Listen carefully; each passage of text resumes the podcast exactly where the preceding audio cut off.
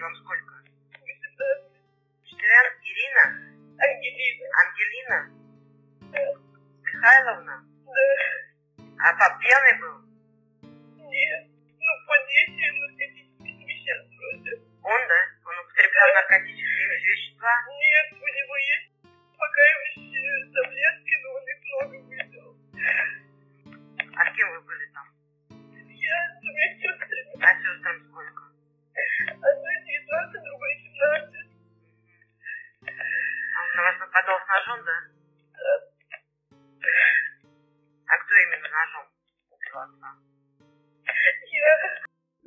27 lipca 2018 roku, w piątek, na policję w Moskwie dzwoni młoda dziewczyna. Płacze do słuchawki, a jej głos załamuje się i drży. Telefon odbiera dyżurna policjantka, a dziewczyna przyznaje się w zabójstwie ojca. Nie przestając szlochać, odpowiada na wszystkie pytania, jakie zadaje jej policjantka.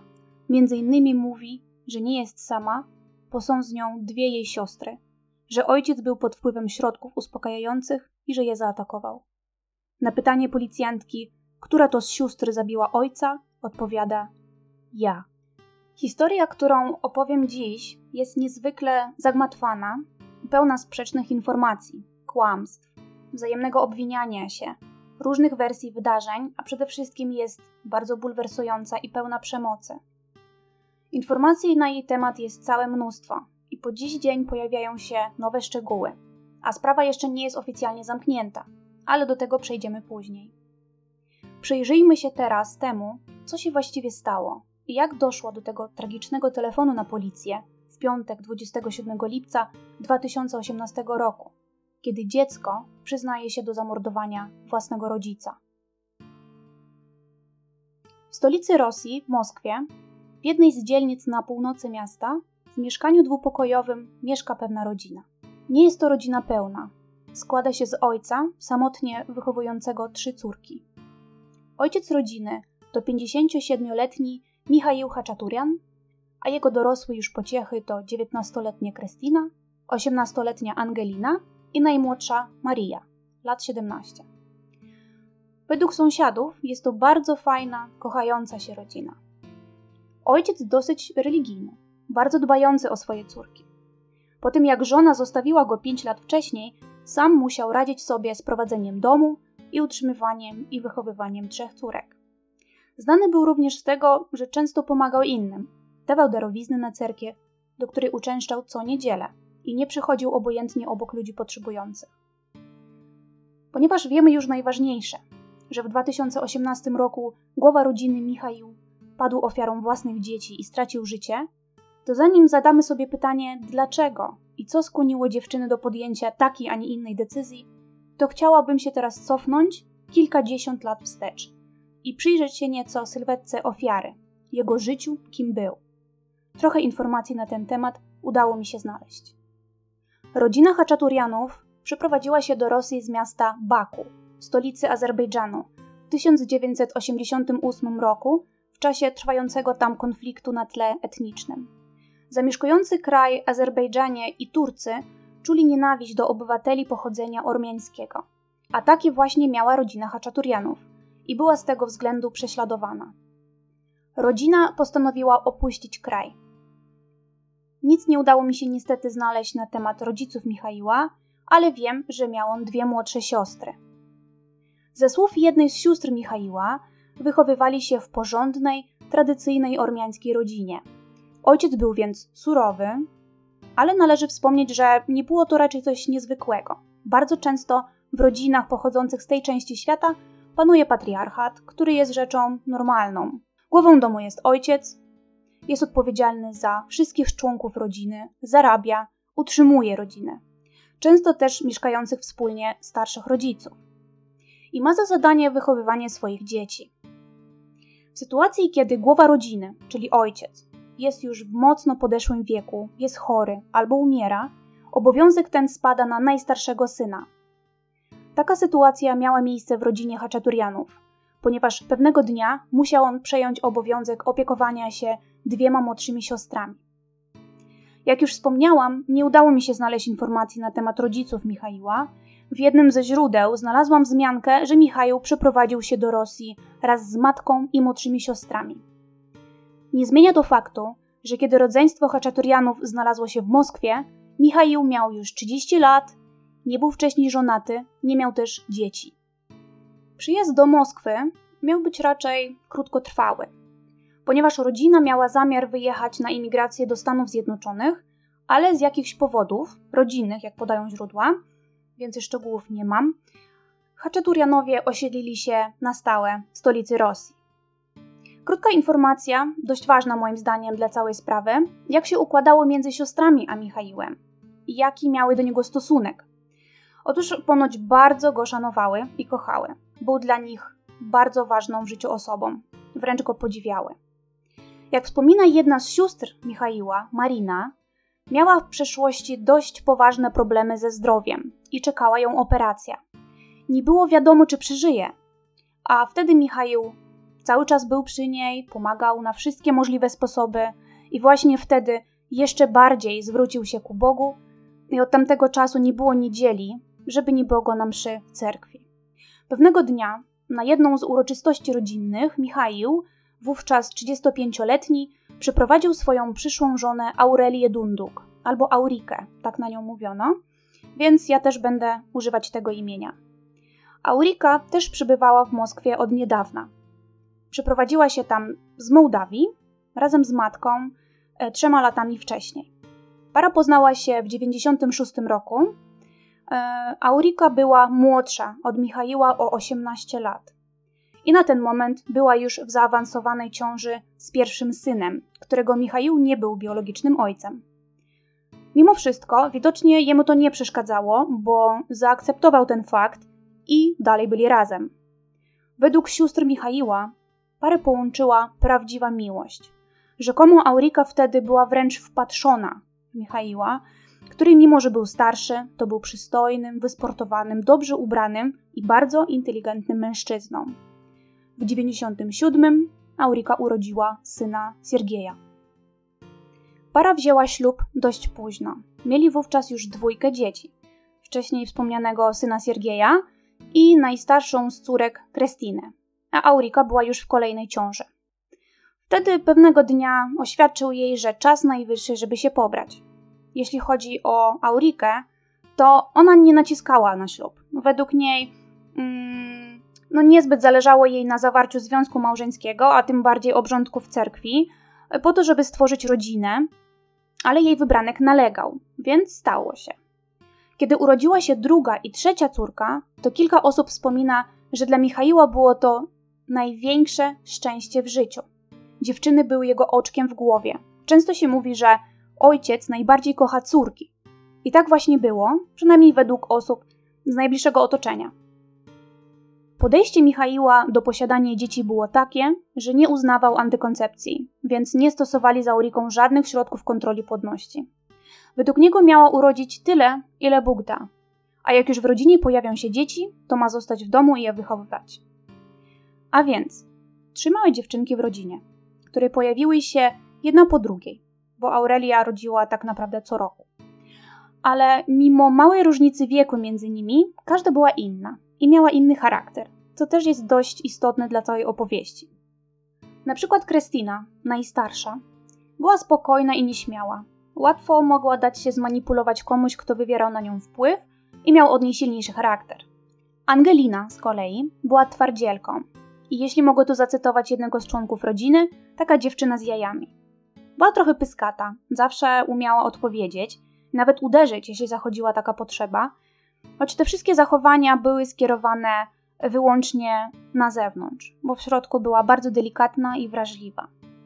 Maria, delikatne dziecko, taki mały aniołek, tak mówiły o niej ciotki, siostry Michaiła. Chciało się nią opiekować, przytulić i kochać. Najmłodsze, najweselsze dziecko emanujące energią i radością. Po narodzinach dzieci cała rodzina zamieszkała razem w mieszkaniu dwupokojowym, czyli Michaił, Aurika, syn, trzy córki, matka Michaiła i dwie jego młodsze siostry. Trochę mogło być ciasnawo, ale widocznie nie mieli innego wyjścia. Wyglądać to wszystko może na bardzo szczęśliwą rodzinę, która jest bardzo zżyta, w domu jest pełno ludzi, czwórka dzieci, kochający się rodzice, babcia, ciotki, które zawsze mogą pomóc, żyć nie umierać. Ależ nie, bo po jakimś czasie siostry Michaiła wyprowadziły się z mieszkania. Nie wiadomo, czy wynajęły osobne, czy może kogoś poznały. Swoją drogą ciekawe, że nic nie ma na temat tego, czy te siostry miały mężów, własne dzieci. Raczej nie, bo mieszkały z Haczaturianami i e, o żadnym innym mężczyźnie oprócz e, Michaiła w domu nie było wzmianki. A więc wtedy, kiedy w mieszkaniu zostało już tylko małżeństwo z dziećmi, pojawiły się pierwsze problemy. Możliwe, że wszystko do tej pory układało się bardzo dobrze, dlatego że Aurika, jak już wspominałam, za swoje jedyne zadanie miała opiekowanie się domem i wychowywanie dzieci. Tak przynajmniej postanowił Michał i nie było na ten temat żadnej dyskusji. Aurika y, była też w towarzystwie sióstr męża i też jego matki, a więc czy pasował jej taki układ, czy niekoniecznie, nie mogła za bardzo protestować, bo siostry wyraźnie we wszystkim popierały starszego brata, więc nie miałaby i tak nikogo po swojej stronie. Więc y, kiedy siostry wyprowadziły się z mieszkania Haczaturianów, to Aurika, korzystając z nieobecności męża, kiedy na przykład był na mszy albo na wyjazdach służbowych, zaczęła pozwalać sobie na odrobinę wolności. Wcześniej dosłownie nie miała możliwości spotykania się z kimkolwiek, samotnych spacerów, pójścia do fryzjera itd. Tak kiedy Aurika zaczęła czasami wychodzić gdzieś, to Michał stawał się bardzo, ale to bardzo zazdrosny. Każde takie wyjście traktował niemalże jak zdradę. Warto też wspomnieć, że Michał, który swoją młodość spędził w Baku, gdzie dorastał otoczony tradycjami i kulturą narodów kaukaskich, gdzie oprócz patriarchalnego modelu rodziny liczy się również jej honor, to miał bardzo za złe takie zachowanie jego żony i uznawał je wręcz za haniebne. Wtedy też e, miał miejsce początek konfliktów w rodzinie Haczaturianów. Z zewnątrz dalej sprawiali wrażenie kochającej się rodziny, ale za zamkniętymi drzwiami coraz częściej dochodziło do kłótni między małżonkami. Wtedy też doszło do pierwszych rękoczynów. Michał mógł uderzyć Aurikę w czasie awantury, która robił dosłownie o wszystko – o porządek w mieszkaniu, o ugotowane przez Aurikę jedzenie, zachowanie dzieci itd. Tak Aurice dostawało się nie tylko za to, że mąż podejrzewał ją ciągle o zdrady, ale obrywała też za wszystkie przewinienia dzieci. Powiem tutaj też, że jedyny syn pary, Siergiej, też nie miał w rodzinie lekko. Dorastający wtedy nastolatek sprawiał czasem kłopoty, które w większości rodzin się zdarzają, ale nie wywołują tak silnych emocji i agresji jak w domu Haczaturianów. Chodzi zwyczajnie o spóźnienie się do domu, gorsze oceny, sprowadzenie raz na jakiś czas przyjaciół do mieszkania. To wszystko według głowy rodziny było nie do zaakceptowania. Pewnego dnia, prawdopodobnie niesiony również przez bunt, młodzieńczy, Siergiej postanowił uciec z domu. Według jego słów Ojciec już po kilku dniach go znalazł i zabrał do domu. Mimo to, pewnego dnia w 2012 roku syn uciekł na dobre w wieku około 14 lat. Nie mam informacji, czy towarzyszyły temu jakieś konkretne wydarzenia, ale wiadomo, że na początku mieszkał u znajomych, zanim rozpoczął już niezależne życie. Pewnego dnia, już po ucieczce starszego syna, Aurika usłyszała od męża ostateczne ultimatum. Albo żyją jak rodzina, według modelu, jaki miał wyuczony z dzieciństwa i lat młodości w Baku, albo opuszcza mieszkanie. Aurika myślała wtedy, że problem całej rodziny i tych wszystkich kłótni polega tylko i wyłącznie na jej relacji z mężem, że ona mu się znudziła i że ona swoją obecnością tylko go irytuje i że jak odejdzie, to konflikty w rodzinie ustaną. Wtedy pewnego dnia spakowała się, zadzwoniła do przyjaciółki z pytaniem, czy może u niej zostać, i opuściła dom swojego męża, zostawiając tam córki. Według Auriki porozmawiała wtedy z córkami. Wytłumaczyła im, że nie ma za bardzo gdzie pójść. Nie ma pieniędzy, nie ma krewnych w Moskwie, więc też nie może córki ze sobą zabrać a ojciec będzie w stanie dać im dobrą przyszłość, zabezpieczyć finansowo, wychować na dobrych ludzi.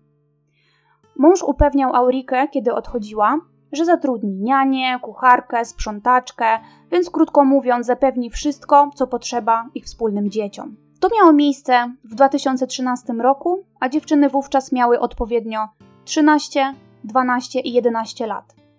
I właśnie to w tym roku rozpoczyna się nowy rozdział w życiu rodziny Haczaturianów w jej nowej odsłonie, czyli rodzina składająca się z samotnego ojca i trzech córek. Jak można się domyślać, nowy początek oznacza też nowy podział obowiązków w domu.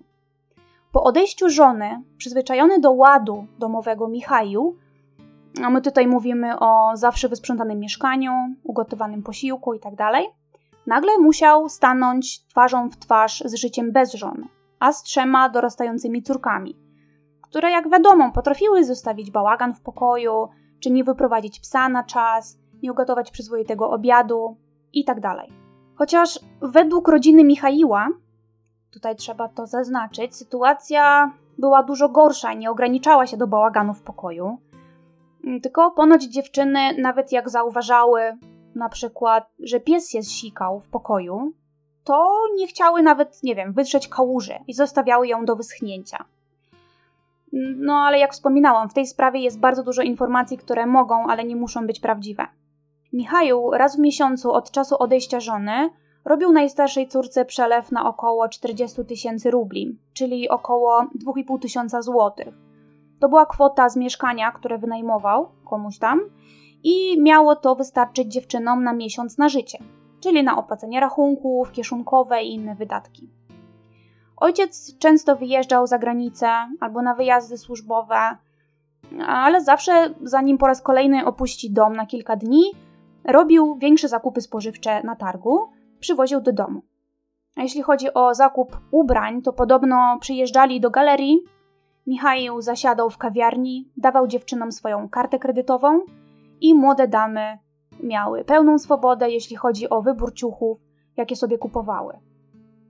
No ale właśnie, czym zajmował się Michał? Tak naprawdę nie wiadomo do końca. Wiadomo tylko, i to z całą pewnością, że nie miał on pracy pełnoetatowej, nie znamy też jego zawodu. Są natomiast teorie i różne wersje tego, gdzie ciągle wyjeżdżał i skąd zawsze miał pieniądze. A miał, bo Michał zawsze był w posiadaniu dużej ilości pieniędzy.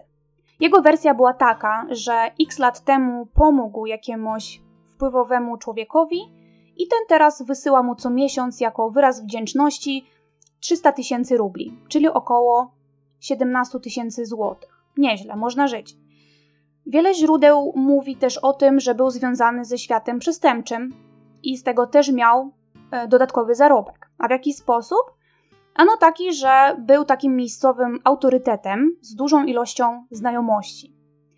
Ponoć już po jego śmierci znaleziono w jego aucie narkotyki, które rzekomo sprzedawał, i oprócz tego, korzystając z licznych znajomości, e, mógł dostawać łapówki i kryć drobne przestępstwa, albo na przykład poznawać ze sobą różnych ludzi. Według jednego ze źródeł miał znajomości zarówno w prokuraturze, jak i w półświadku. Nosił też przy sobie broń. Ciekawe, nie? Człowiek orkiestra, taki człowiek wielu talentów, tak byśmy mogli powiedzieć o głowie rodziny Haczaturianów – ale jak widać, pieniądze się raczej tam zgadzały i to bardzo. Wspominałam też, że często wyjeżdżał, to prawda. Źródła podają, że przez swoją religijność często bywał w Izraelu i niewykluczone, że wyjeżdżał też do innych miejsc w związku ze swoimi szemranymi interesami, które prowadził. Więc e, kiedy mężczyzna bywał poza domem, dziewczyny czasami organizowały w mieszkaniu imprezy, sprowadzały znajomych, a na tych domówkach spożywały alkohol, paliły papierosy i brali narkotyki. Na co podobno istnieją dowody w postaci nagrań wideo. Ale do tych nagrań niestety nie dotarłam. Te sytuacje bardzo denerwowały Michaiła, a jak już wiemy, ostoją spokoju i aniołkiem to on nie był. A więc w tym momencie rysuje się nam już nie taki idealny obraz Michaiła Haczaturiana, ale przecież to, że trzymał dziewczyny krótko, zabraniał imprez i noszenia zbyt krótkich spódniczek, do szkoły nie jest chyba motywem do zabójstwa. Niestety to dopiero początek licznych sytuacji, do których dochodziło w domu Haczaturianów, a które z dnia na dzień stawały się coraz groźniejsze niż jakiś tam szlaban czy kolejna awantura. W ogóle relacje między ojcem a córkami były raczej skomplikowane, niejednoznaczne i powiedziałabym, że trudne. Jak wspominałam o modelu rodziny, w który święcie wierzył Michał, to kobiety muszą zajmować się domem, więc nie dziwne, że wszystkie obowiązki spadły na siostry. Okej, okay, not a big deal, ale źródła, jak i same dziewczyny mówią, że Michał nie robił w mieszkaniu kompletnie nic, a wręcz córki były jego służbą. Nie tylko sprzątały, gotowały i prały. Musiały same robić wszystkie naprawy w mieszkaniu, typu, nie wiem, naprawa gniazdka elektrycznego itd. Tak Aż doszło do tego, że na jego rozkaz nawet otwierały i zamykały okna albo zakładały mu kapcie. Według najstarszej z córek, Krestiny, wołał je do siebie w taki sposób, że dzwonił w taki mały dzwoneczek. I po usłyszeniu dzwonka jedna z córek musiała natychmiast podejść do ojca i otrzymać kolejny rozkaz. Mogło to się dziać podobno i w dzień, i w nocy. Oczekiwania Michaiła względem czystości mieszkania dochodziły do absurdu. Według matki dziewczyn, pewnego dnia znalazł na podłodze sierść z ich psa, labradora, z którego sierść i tak pewnie leci 24 na 7, sama wiem, że jak nie sprzątaj, to i tak gdzieś te pojedyncze włoski zostają i trzeba się z tym po prostu pogodzić, jak się ma psa. Ale Michał kierował się chyba inną logiką, bo tak się wkurzył, że zmusił którąś z córek do zjedzenia tej sierści. W tamtym okresie dochodziło też coraz częściej do kar cielesnych. Michał bił dziewczyny i to w większości po głowie. Jeśli któraś z dziewczyn jednak miała widoczne siniaki, to wtedy ubierała golfa, jeśli musiała iść do szkoły, albo w ogóle była zmuszona, żeby zostać w domu.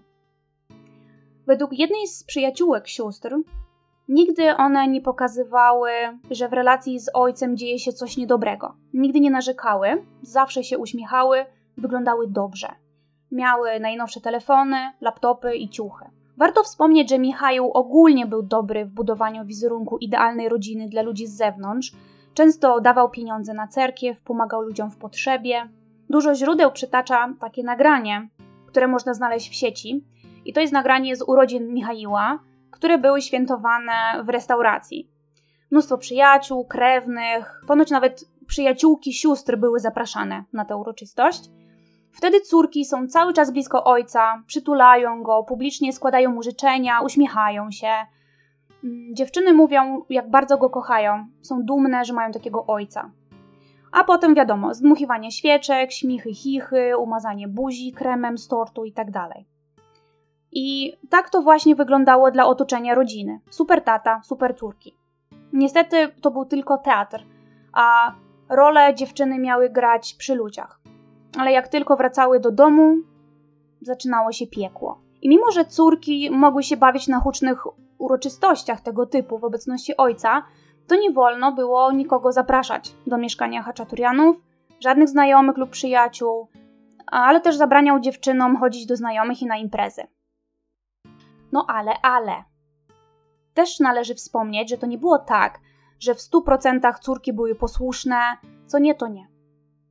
Czasami mogły kogoś przyprowadzić po kryjomu, czasami kłamały, żeby pójść gdziekolwiek ze znajomymi, albo zwyczajnie czekały na kolejny wyjazd ojca za granicę i wtedy podobno wchodziło w grę grube imprezowanie.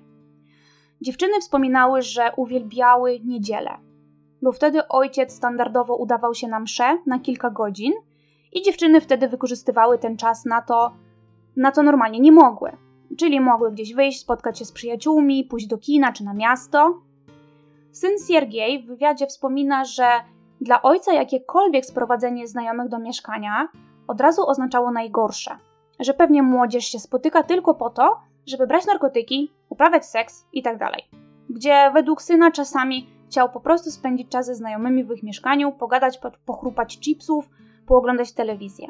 Wtedy dzieci, a najpewniej syn, wpadł na pomysł zainstalowania aplikacji śledzenia lokalizacji w telefonie ojca, więc kiedy w każdą niedzielę Michał udawał się do cerkwi i spędzał tam kilka godzin, to jego syn oraz córki mogli być spokojni o ewentualne towarzystwo przeprowadzone do ich mieszkania.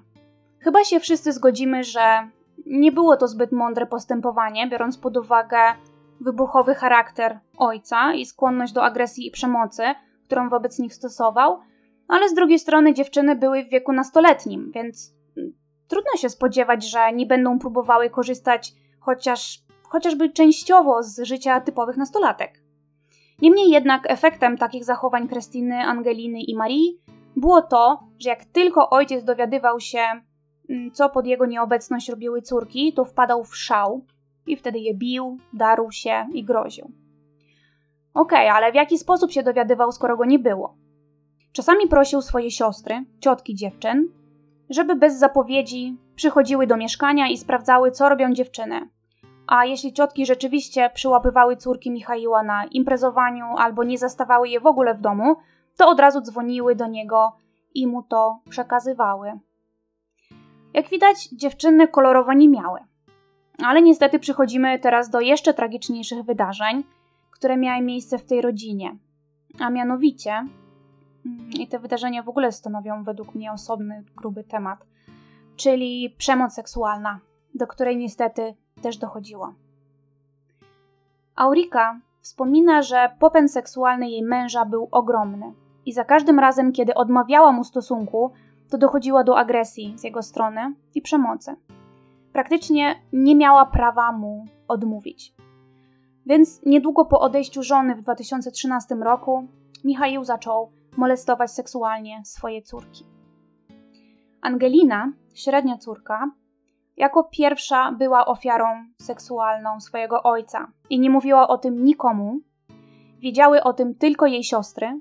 Podobno Michał groził, że jeśli Angelina komukolwiek powie, to to samo spotka Krystynę albo Marię. Z wyznań samej Angeliny dowiadujemy się, że ojciec zmuszał ją niejednokrotnie do seksu oralnego i analnego w okresie między 23 listopada 2014 roku po 21 lipca 2018 roku. Zmuszał też do rozbierania się do naga, dotykał w miejscach intymnych i to się zdarzało kilka razy w ciągu tygodnia. Wiadomo też, że przynajmniej raz zmuszał córki do seksu grupowego. Kiedy rozpoczęło się wykorzystywanie seksualne sióstr, a przemoc stała się już nie do zniesienia, czasami dziewczyny włączały dyktafon na swoich telefonach albo zwyczajnie wykonywały połączenia do swoich znajomych, by ci usłyszeli, jak naprawdę traktuje ich ojciec. Kilka z tych nagrań udało mi się odsłuchać i absolutnie nie chcę ich tutaj wklejać albo przytaczać, bo są obrzydliwe. Zwyczajnie dlatego, że wszystko, co tam usłyszałam w tych nagraniach, w ogóle nie jest zgodne z tym, co ja i ogromna większość z nas myśli o mniej więcej poprawnych relacjach między rodzicami a dziećmi. Wystarczy, że powiem, że na nagraniach ojciec nazywa córki prostytutkami, grozi uduszeniem, wyzywa używając przy tym najgorszych możliwych przekleństw i o tym, co zrobi z nimi w kontekście seksualnym. Koszmar. W 2017 Michał zabronił córkom kontaktu z ich matką Auriką, a w 2018 dziewczyny w ogóle przestały chodzić do szkoły. Czasami siostry były zamykane w jednym pokoju na kilka do kilkunastu godzin. Nie dostawały wtedy jedzenia i wody. Przyjaciele i koledzy z klasy nie widywali sióstr przez kilka miesięcy. Zostawał im jedynie kontakt telefoniczny, ponieważ nie zostały im odebrane telefony komórkowe. A teraz przechodzimy do wydarzeń z 27 lipca 2018 roku, z dnia, w którym siostry postanowiły odebrać życie ojcu.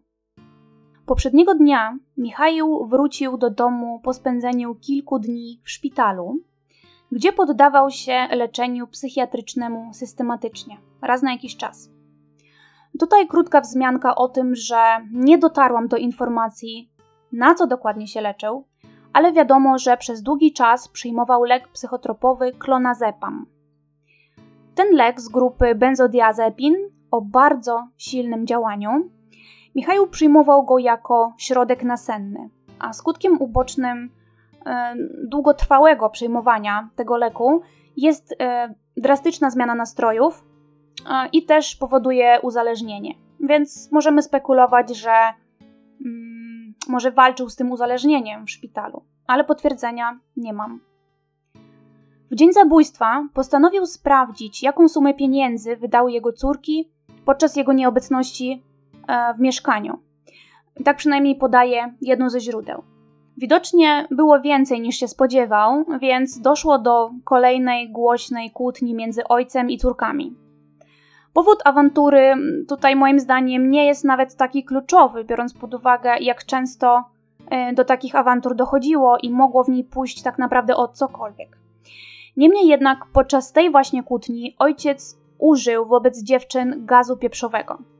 Siedział sobie w fotelu e, i wołał wtedy każdą po kolei i pryskał z małej odległości każdej w twarz. Nieprzyjemnie. Najstarsza, Krystyna, miała wtedy potężny atak astmy. Miała duszności, straciła przytomność i upadła. I według adwokatów dziewczyn ta sytuacja właśnie miała ogromne znaczenie dla dalszych wydarzeń, ponieważ wtedy po raz pierwszy siostry zaczęły się obawiać, że agresja ojca w stosunku do nich może skończyć się śmiercią jednej z nich albo ich wszystkich. I prawdopodobnie wtedy postanowiły, że zabiją Michaiła. Wieczorem 27 lipca Michaił Haczaturian zasnął, siedząc w swoim fotelu, a Krystyna, Angelina i Maria zaatakowały go. Krystyna, najstarsza córka, najpierw użyła gazu pieprzowego w kierunku ojca i wybiegła z mieszkania na klatkę schodową.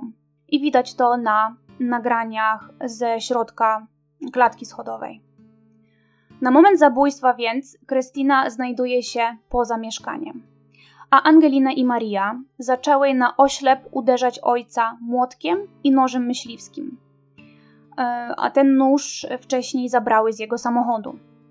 Sześć minut po ataku okazuje się, że rany naniesione przez dziewczyny nie są śmiertelne i Michał wybiega za dziewczynami na klatkę schodową.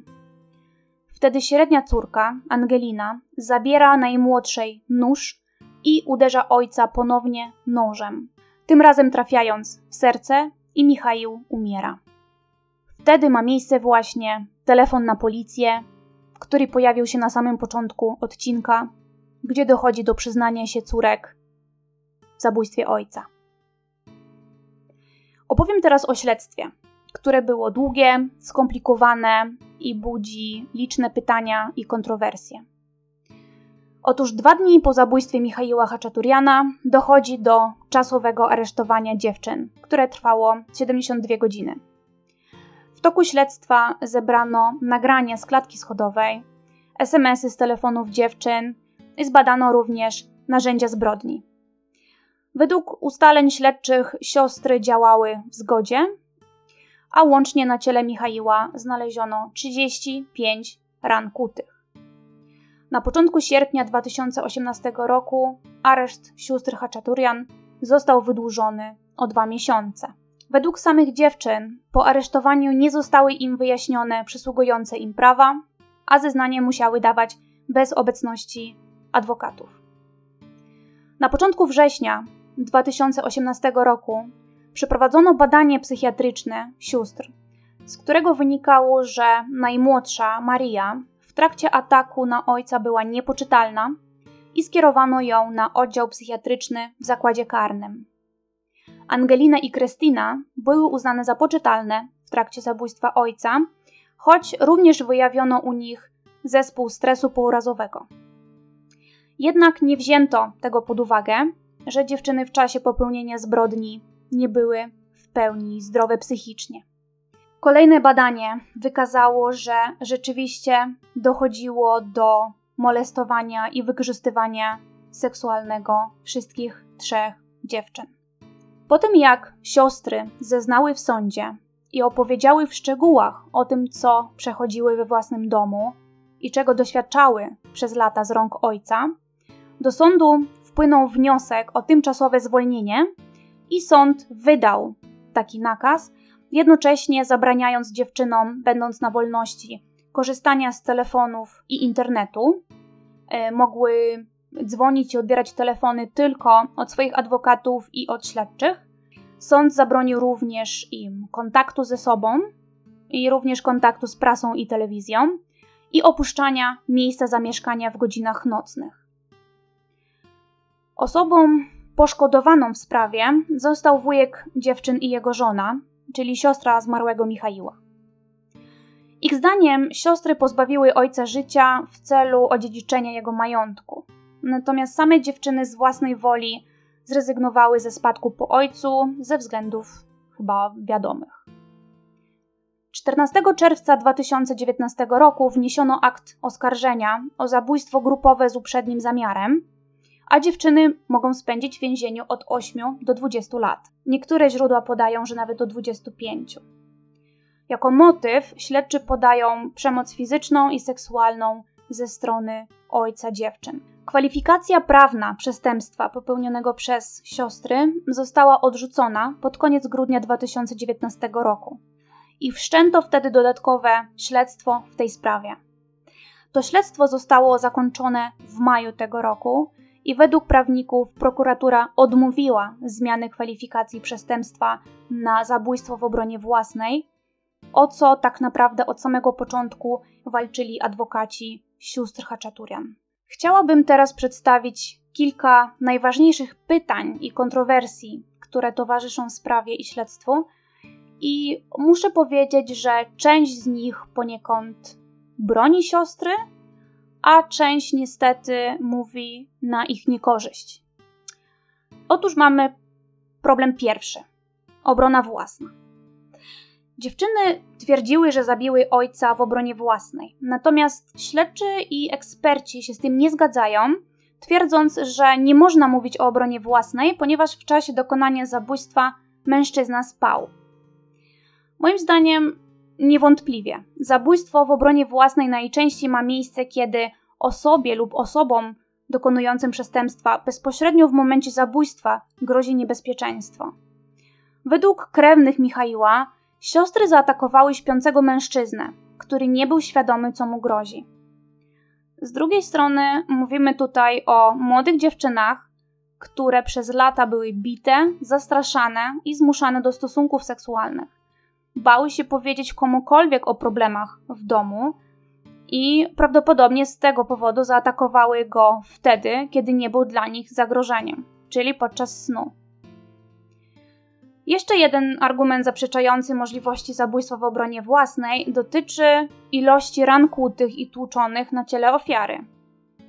Według siostrzeńca przyjechał on na miejsce zbrodni w dzień zabójstwa Michaiła i na własne oczy mógł zobaczyć ciało wujka. Według niego było strasznie poturbowane i że zabójstwo było wykonane ze szczególnym okrucieństwem. Według tegoż siostrzeńca, który miał na imię Arsen, zabójstwo w obronie własnej nie ma tu racji bytu, ponieważ siostry miały plan, żeby zabić śpiącego ojca po cichu w mieszkaniu, bez potrzeby naniesienia mu tak dużej ilości dźgnięć nożem, ale ich plan rozsypał się, kiedy Michał po pierwszym ataku zdołał wyjść z mieszkania na klatkę schodową.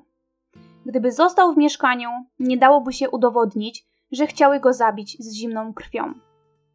Rzekomo istnieje też SMS, który jedna z sióstr wysłała dzień przed zabójstwem do własnego chłopaka, w którym pisała: Jutro albo go zabijemy, albo uciekniemy.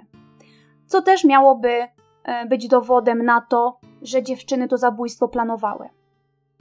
Moim zdaniem siostry nie planowały oczywiście zabijać ojca na klatce. Tak po prostu potoczyły się sprawy Natomiast naprawdę nie sądzę, że chciały go zabić po cichu, bo jak wiemy, większość ciosów była naniesiona jeszcze w mieszkaniu, właśnie co może świadczyć o desperackim ataku na oślep. Problem drugi. Dlaczego nie zgłosiły faktu przemocy na policję? Mówiłam wcześniej, że Michał z całych sił próbował utrzymywać pozory szczęśliwej, kochającej się rodziny. Natomiast istnieją świadkowie, w tym sąsiedzi z bloku i przyjaciele dziewczyn ze szkoły, którzy wiedzieli o przemocy w domu Haczaturianów. Niejednokrotnie składane były zawiadomienia do prokuratury o tym, że dziewczynom dzieje się krzywda z rąk ojca. Natomiast wiele wskazuje na to, że Michał mógł mieć znajomości również w policji i dzięki temu unikał odpowiedzialności karnej. Syn Siergiej wspomina, że kiedy on sam złożył zawiadomienie o tym, że ojciec bije matkę, to Michał w jakiś sposób był w stanie odebrać to zawiadomienie z policji i w domu podarł je na oczach syna. Więc można tu mówić o korupcji w policji i wykorzystywaniu znajomości przez Michaiła. W związku z tym można spekulować, że Krystyna, Angelina i Maria wiedziały o tym i nie chciały prowokować ojca, zdając sobie sprawę, że i tak nie czeka go żadna kara. Według jednej z przyjaciółek Krystyny zdarzało się, że ojciec wyganiał ją z domu za jakieś przewinienia i wtedy Krystyna przychodziła do niej, a jeżeli nikogo nie było w domu, to potrafiła godzinami siedzieć na klatce schodowej i czekać, bo zwyczajnie nie miała gdzie pójść. Kiedy rodzice tej przyjaciółki chcieli zgłosić na policję swoje podejrzenia stosowania przemocy wobec Krystyny, to ta popadła w szał i błagała, żeby tego nie robili. I co wtedy zrobili dorośli, mądrzy ludzie? Uznali, że może nie chce tego zgłoszenia, dlatego że kłamie i wymyśla.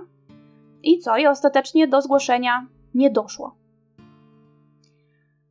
E, istnieją też zeznania sąsiadów z bloku e, rodziny Haczeturianów, e, którzy mówią, że Michał bardzo często groził bronią, jeżeli cokolwiek w zachowaniu sąsiadów jemu się nie podobało i nawet raz postrzelił jednego sąsiada w nogę, ale również no, nie poniósł żadnej odpowiedzialności z tego tytułu.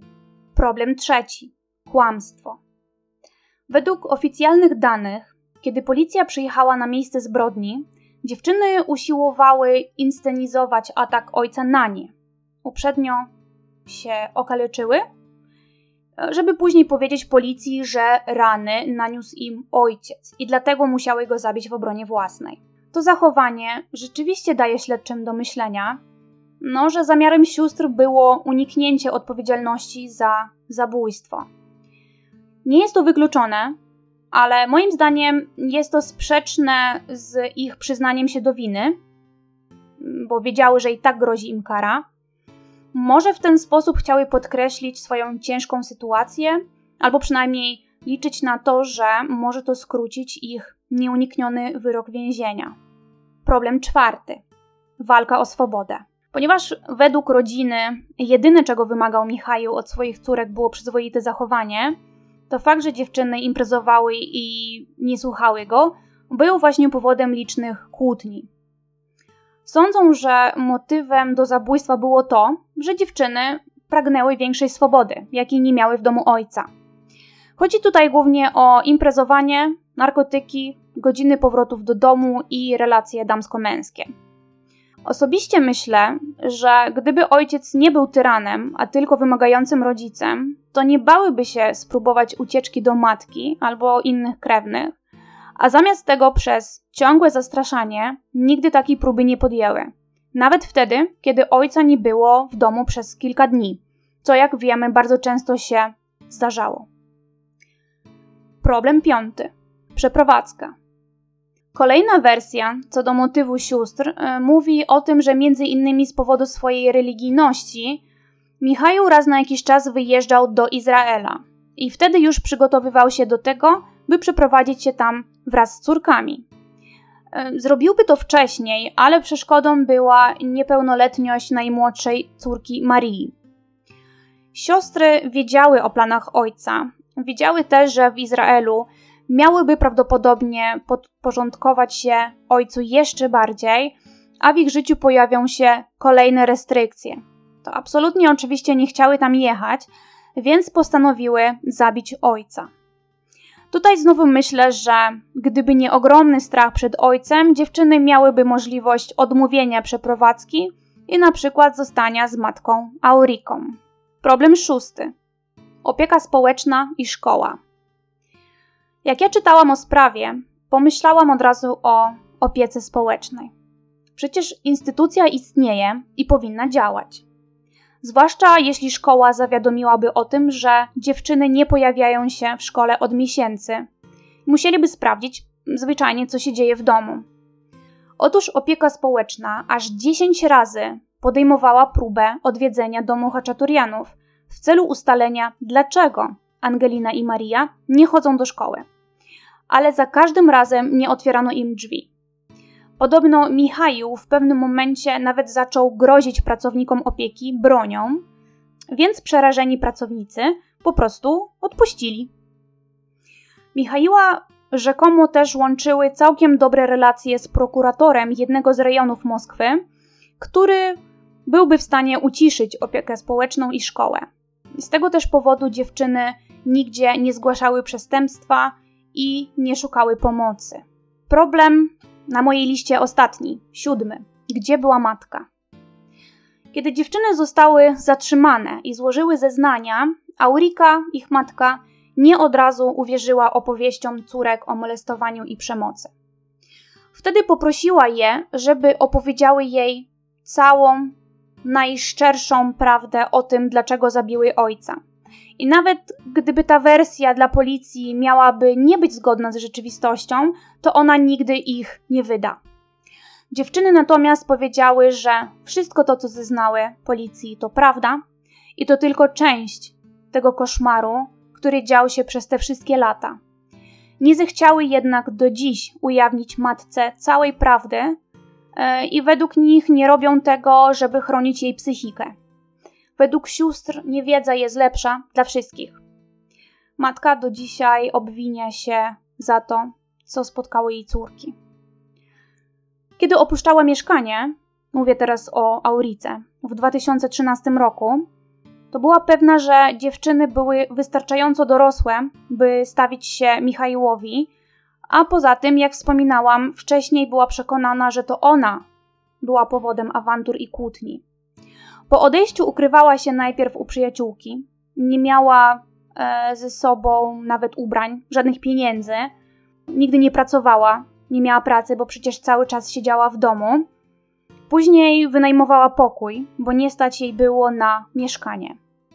Znalazła pracę również w weekendy. E, pracowała jako sprzedawczyni w sklepie.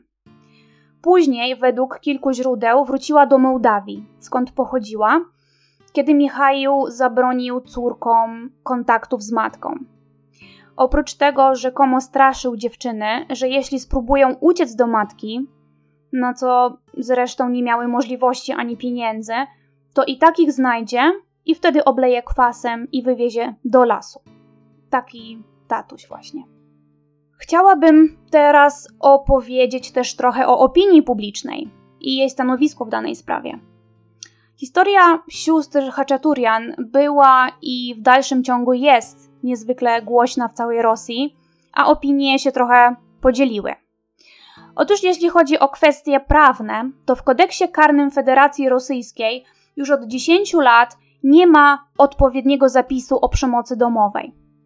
Po pierwsze, w Rosji po złożeniu wniosku domniemanej ofiary przemocy o zakazie zbliżania się, zostanie on prawdopodobnie odrzucony i ofiara przez cały czas trwania śledztwa i pod warunkiem, że podejrzany o przemoc jest na wolności, nie jest chroniona przez rząd. Co z tego wynika? Przemoc nie jest przerwana przez wszczęcie śledztwa, a ofiara dalej może być bita, torturowana, molestowana i w efekcie może być nawet zabita. Od 2017 roku w Rosji doszło do dekryminalizacji pobicia. Oznacza to, że przewidziana jest za to tylko odpowiedzialność administracyjna. Według rosyjskiego prawa odpowiedzialność, jaka jest przewidziana za przemoc domową, która jest wyrządzana po raz pierwszy, to od 10 do 15 dni w areszcie. Może to być też kara grzywny od 5 do 30 tysięcy rubli, albo prace społeczne od 60 do 120 godzin. W 2019 roku w dużych miastach Rosji niejednokrotnie organizowane były marsze wsparcia dla sióstr Haczaturian. Niektóre planowane marsze w ogóle się nie odbyły, a niektóre skończyły się nawet zatrzymaniami przez policję. Powstała też petycja skierowana do Komitetu Śledczego z prośbą o uwolnienie dziewczyn, a w czerwcu 2019 roku ta petycja liczyła 115 tysięcy podpisów. Również wielu działaczy społecznych e, występowało ze słowami wsparcia dla sióstr Haczaturian. E, inna część społeczeństwa buduje jednak obraz dziewczyn głównie na podstawie ich kont w sieciach społecznościowych, gdzie dziewczyny wyglądają na szczęśliwe, zadbane, jakby niczego w życiu im nie brakowało. Są to zdjęcia z imprez, z wycieczek, w ładnych ubraniach i makijażu. Psychologowie natomiast w odpowiedzi na to mm, zgadzają się w tym, że jest to typowe raczej zachowanie dla ofiar przemocy domowej, ponieważ nie chcą one się różnić od innych. Ofiary przemocy domowej często są nierozpoznawalni w tłumie i według e, nich nigdy nie da się poznać po wyglądzie albo sposobie zachowania się danej osoby, że za zamkniętymi drzwiami w jej domu ta osoba tak naprawdę przeżywa piekło. W 2018 roku, kiedy dziewczyny targnęły się na życie własnego ojca, w Rosji zarejestrowano 178 tysięcy przypadków przemocy domowej. Ta liczba jest bardzo daleka od rzeczywistej, ponieważ pomiędzy 70 a 90% ofiar nigdy nie zgłasza faktu przemocy na policję. W Rosji problem przemocy domowej jest naprawdę wielki. Niektóre ofiary rzeczywiście próbują zgłaszać to na policję, ale ta często nie reaguje, zwłaszcza kiedy uszczerbek na zdrowiu jest stosunkowo niewielki.